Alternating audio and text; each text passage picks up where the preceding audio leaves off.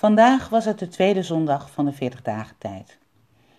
En de lezing van vandaag komt uit Marcus 2, bij de verheerlijking op de berg. En daar staat voor de ogen van zijn leerlingen veranderde Jezus van gedaante. De schaduw van een wolk viel over hen. En uit de wolk klonk een stem.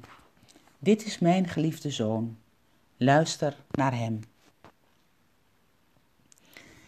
Leg beslag op ons hart, zodat het tot niets anders meer geneigd is dan u te zoeken, zich aan u gewonnen te geven en dat te herkennen als het beste wat ons kan overkomen.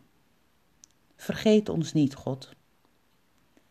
Jezus is ons voorgegaan in dit vertrouwen. En nog geeft Hij zichzelf aan ons als de weg naar huis. En daarom mag Hij voor ons uw lieve zoon heten. Dat ook wij met Hem bij u kind aan huis zijn.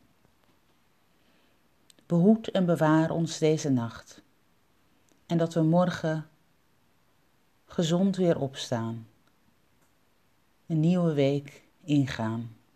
Een week onder uw hoede. Amen.